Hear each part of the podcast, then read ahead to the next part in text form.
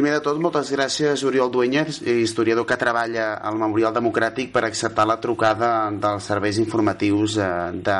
de Set de Ràdio, parlant eh, sobre el tema de les, eh, de les brigades internacionals. Mm, primer de tot repassem una mica perquè les brigades internacionals van arribar o els, més ben dit els voluntaris de les, de les brigades internacionals van arribar a Espanya després eh, que l'internacional comunista impulsés la, la seva creació al setembre de 1936 doncs sí, hola, bon, bon dia. Eh, efectivament eh, a nivell oficial es creen les brigades internacionals, aquests voluntaris que formaran diversos batallons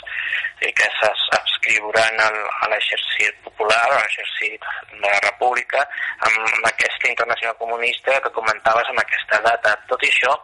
ja trobem eh, abans d'aquesta resolució diversos voluntaris que van arribar a Catalunya i a Espanya provinents de diferents llocs d'Europa de, i del món, però especialment d'Europa, que una banda, venen a participar de les Olimpiades Populars que s'havien de celebrar a Barcelona a partir del 19 de juliol i que no es van poder celebrar com a conseqüència de l'inici de, de la Guerra Civil. Molts d'ells decideixen quedar-se i ja eh, allistar-se de manera voluntària a les columnes que marxen al front per lluitar contra les tropes rebels. Altres, a nivell particular, van passar les fronteres algunes vegades de manera clandestina per també lluitar contra els rebels feixistes, no? Posteriori, per intentar organitzar i canalitzar tots aquests voluntaris que volien arribar, volien desplaçar-se i arribar a, a Espanya i a Catalunya és quan, com molt bé deies, s'organitzen ja de manera més oficial la, les brigades internacionals. Perquè, eh, bé, has, has parlat de, de les Olimpíades Populars, ara sí. també, i ara també parlarem, parlarem un momentet sobre, sobre això, però primer de tot, eh, és cert que, eh, perquè documentant per, per l'entrevista, eh, és cert que la, el govern de la República eh, en un primer moment va rebutjar l'arribada de, dels voluntaris internacionals? Eh, sí, a veure, eh, s'ha de posar tot sempre en, en context, no? Si ho veiem ara potser ens pot sorprendre, però en aquells moments, mm, primer, mm, no hi havia una sensació de que es produiria una guerra de tan llarga durada com després es va materialitzar i després també s'intentava eh, impedir que el, el conflicte acabés tenint derivacions internacionals, no? i l'arribada de voluntaris de diversos països eh, del món podia donar lloc a que el, el, el, el procés, el conflicte, acabés internacionalitzant-se. No? De totes maneres, tot això de seguida va, va caure davant primer perquè els rebels de seguida van rebre ajuda i important tant d'Itàlia com de l'Alemanya nazi. Per tant, el, el conflicte ràpidíssimament es va internacionalitzar, no? I després perquè aquesta ajuda va ser molt ben vinguda i va ser clau especialment per la defensa de Madrid quan aquesta estava a punt de, de caure. Uh, perquè precisament recordem que els voluntaris de les brigades internacionals, ajuntament amb, amb, altres, amb la resta de voluntaris no, que van venir de l'estranger per lluitar uh, amb el bàndol de la República contra l'expansió del, uh, del feixisme, de fet van ser els únics ajuts, els únics ajuts externs no, que, van tenir, que va tenir el, el, el bàndol, uh, el bàndol uh, de la República durant, durant la Guerra Civil. Eh, sí, de manera directa sí, van, va ser especialment aquests voluntaris que, anaven a més a més de manera particular, no anaven representant el seu país, perquè els països d'origen no, en principi no, no, no autoritzaven la sortida de, de ciutadans dels seus territoris per anar a lluitar a la guerra civil, ho feien de manera voluntària i, i, i a iniciativa pròpia, i, des, i després eh, les ajudes que rebrà la, la república o bé vindran especialment de la Unió Soviètica a un preu elevat, com sap el tema de, de, la, de les despeses que va haver d'assumir la república per pagar aquesta ajuda, també a través de França en, en diversos moments determinats, quan aquesta deixava obrir la frontera i enviava material, i d'alguns països europeus que no de manera directa, però sí a través d'intermediaris, van vendre armament a la república, però també a preus eh, exagerats, desorbitats, i a més moltes vegades material obsolet. Eh? Alguns que era hereu de la Primera Guerra Mundial i fins i tot anterior. Per tant, no va rebre una ajuda destacada a la República, al contrari que l'exèrcit franquista, que sí que va rebre una ajuda destacada militar i econòmica d'Itàlia i, i Alemanya, a més a més una tecnologia punta que després va ser clau perquè aquests països poguessin afrontar la Segona Guerra Mundial amb un experiment previ que va ser la Guerra Civil.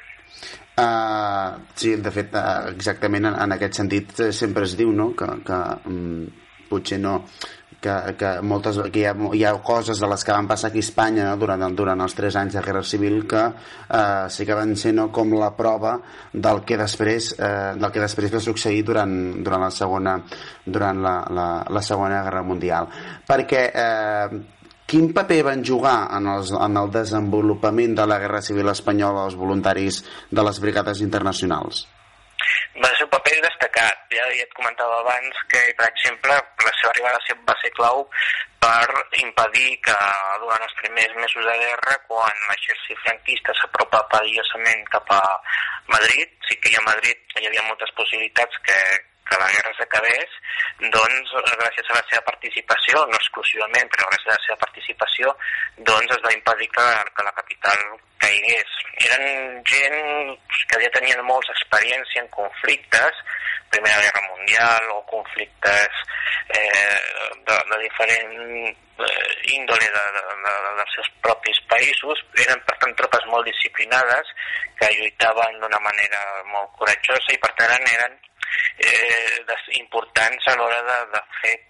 accions de defensa i d'atac per part de, de l'exèrcit republicà, que també cal recordar que també té una evolució,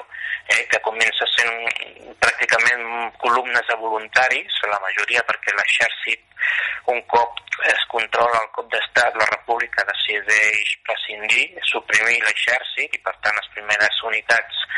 són voluntaris i a posteriori amb l'evolució de la guerra aquest exèrcit es va diguéssim mm, retornant, retrobant eh, per crear un exèrcit popular ja amb una organització militar amb cap, professionals al capdavant i aquí també tindran per tant les brigades internacionals un paper clau amb aquesta reorganització perquè tindran eh, persones que ajudaran a reorganitzar eh, aquest exèrcit. Uh, precisament uh, abans, primer de tot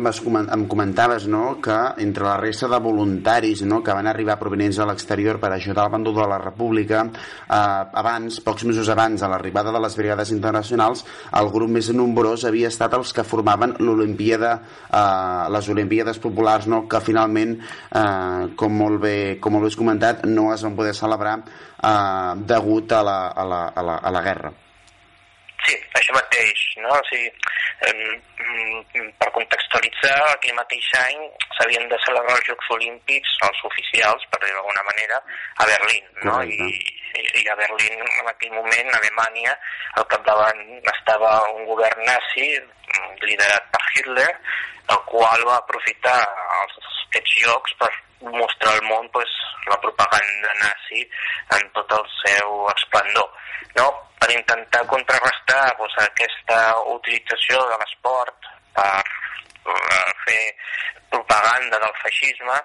eh, diferents organitzacions obreres internacionals van decidir organitzar una Olimpiada eh, alternativa, eh, popular, que, eh, que se celebrés a Barcelona i que fes de contrapès a aquests Jocs Olímpics eh, controlats pel, pel nazisme. No? I aquests Jocs havien de celebrar-se, com deia abans, a partir del 19 de juliol a, a Barcelona. Això va fer que molts esportistes vinculats a moviments d'esquerra, a moviments obrers, doncs es traslladessin a Barcelona per preparar-se per participar en aquests jocs, no? I enmig d'aquesta preparació doncs, va esclatar el cop d'estat i, i després la Guerra Civil perquè ja per acabar recordem no, que en total eh, van ser més de 35.000 els voluntaris no, que, van, que van arribar a, a l'estat espanyol des de l'exterior per ajudar al, al, bàndol, al bàndol de la República. Eh, que aquests més de 35.000 provenien de més de 50 països eh, diferents, eh, era el, el seu origen. El trobem especialment de, de França, Anglaterra, però també dels Estats Units, també de països